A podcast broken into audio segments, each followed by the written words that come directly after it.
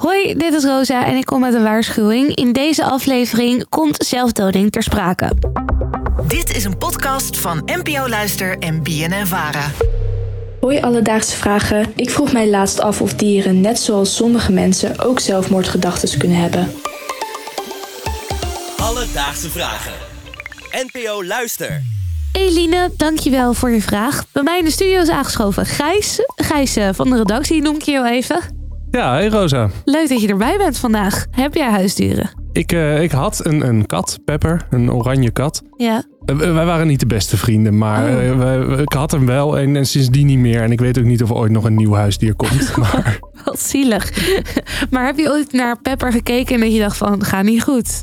Heel vaak, heel vaak. Maar eh, ik weet niet of ik de aangewezen persoon was om eh, Pepper dan te troosten. Daar waren altijd andere mensen voor in de buurt. We gaan eh, eigenlijk de gevoelens een beetje onderzoeken van dieren. En met name de vraag, hebben dieren ook zelfmoordgedachten? Dit heb ik gevraagd aan een bioloog van Naturalis en de Vrije Universiteit Amsterdam, Matthias Bittebinder. Het simpele antwoord is vanuit mijn oogpunt in ieder geval nee.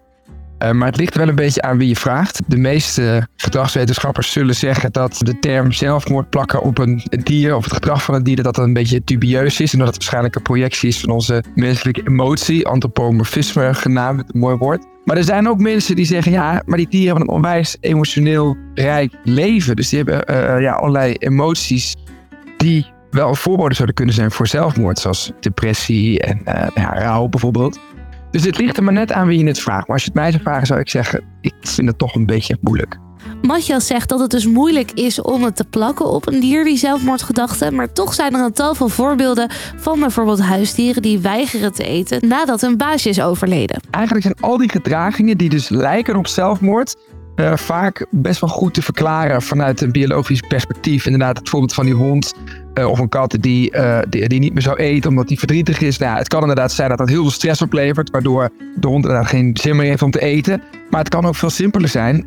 Als een hond gewend is om 10 of 15 jaar lang van hetzelfde baasje eten te krijgen, dan kan het ook heel goed dat ze van een ander iemand dat eten gewoon niet willen aannemen. En dat ze daardoor dus stoppen met eten. Dus het hoeft niet per se te betekenen dat het dan ook, nou ja, dat het dan suïcidale gedachten zijn. Of die zo verdrietig is dat hij zichzelf van het leven zou willen beroven. Kennelijk zijn we alleen belangrijk om, om eten te geven. En, en als dat dan ophoudt, dan, dan stopt het ook. Dat blijkt maar weer. Ja. Jeetje, pijnlijk. Heel pijnlijk.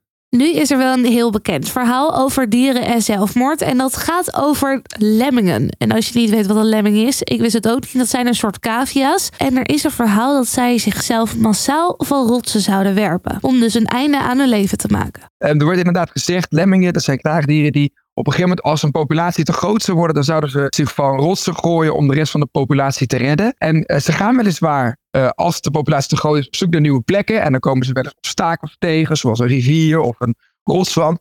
En het gebeurt dan wel eens dat daar lemmingen vanaf vallen, omdat ze verdrinken, omdat ze op weg zijn naar een nieuwe plek. Maar het verhaal van van rotsen afgooien en de beelden die daarbij altijd worden laten zien, dat was van een documentaire, eh, ergens in de jaren 50. En dat waren hele spectaculaire beelden, maar het blijkt dus dat die beelden in scènes zijn gezet. En dat die dieren dus over het randje zijn geduwd door de filmmakers. Om een beetje de dramatische effect te bewerkstelligen.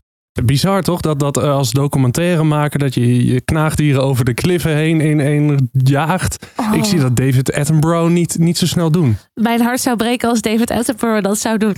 Maar misschien hè, je weet het niet. Die documentaire waar Matthias het dus over heeft, die heet White Wilderness en is dus gemaakt door Walt Disney. En deze documentaire, je gelooft het bijna niet, won zelfs een Oscar voor beste docu. En voor deze film werden duizenden lemmingen geïmporteerd naar Canada, waar deze dieren niet eens leven en door de makers van de rots afgejaagd. En dat klinkt zo. One of these is a mousy little rodent called the lemming, for it's said of this tiny animal that it commits mass suicide by rushing into the sea in droves. They reach the final precipice. This is the last chance to turn back.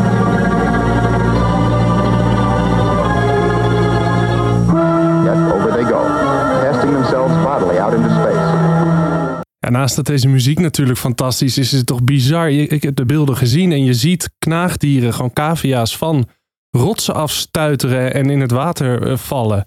Eh, En, en dan zwemmen ze weg eh, richting eh, weg van de kust. En dan, dan Oh gaan ze een God. langzame dood tegemoet. Goed, we kennen Disney dus van de sprookjesfilms. Deze documentaire kan daarbij is eh, officieel nu ook verklaard als een sprookje of in ieder geval als een fictief verhaal. Maar goed, zijn er dieren die zichzelf eigenlijk echt opofferen? Bestaat het echt? Er zijn wel dieren die zich opofferen voor bijvoorbeeld de kolonie. Eh, het mooiste voorbeeld is- zijn de, de bijvoorbeeld bijen, hè, honingbijen. Op het moment dat die je steken om zichzelf te verdedigen of om eh, hè, de, de kolonie te verdedigen, dan blijft die angel achter in degene die gestoken wordt, in je huid bijvoorbeeld. En op een gegeven moment dan trekt die bij zich los en dan rukt het hele achterlijf eruit. En dat overleeft die bij niet. Dat is een, ja, een, een, een manier van zichzelf opofferen voor de kolonie. Daarvan zou je kunnen zeggen, ja, dat is een soort van, ja, misschien wel zelfmoord met een, met een, ja, met wat ruime fantasie. Maar het is niet zelfmoord omdat zo'n bij bijvoorbeeld niet meer wil leven. Puur om zichzelf dus op te offeren voor, voor het hogere doel, voor, voor de kolonie. Alledaagse vragen. Dieren, zoals de bij, die handelen dus vooral rationeel. Maar hebben dieren dan eigenlijk helemaal geen emotie? Ja, er zijn zeker dieren die, die op bepaalde manieren emoties laten zien. Dus ze kunnen blij of opgewekt zijn. eh, Ze kunnen bang zijn. Er zijn ook voorbeelden van dieren die rouwen om elkaar. Bijvoorbeeld olifanten. Eh, Dieren die vertonen zeker emotie. En dat maakt dus ook de discussie zo interessant. Omdat dus ook mensen zullen zeggen van ja... Dieren hebben een zodanig rijk emotioneel leven. Ja, wie zegt ons niet dat, ze, dat die negatieve emoties misschien ook wel kunnen leiden eh, tot zelfmoord?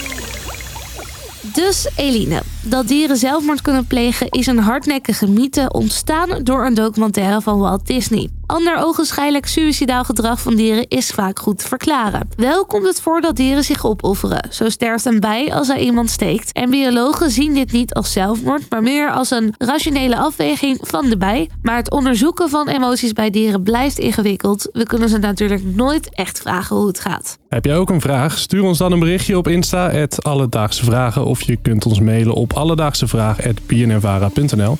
En dan gaan we het voor je uitzoeken. Alledaagse vragen. NPO Luister. BNN Vara.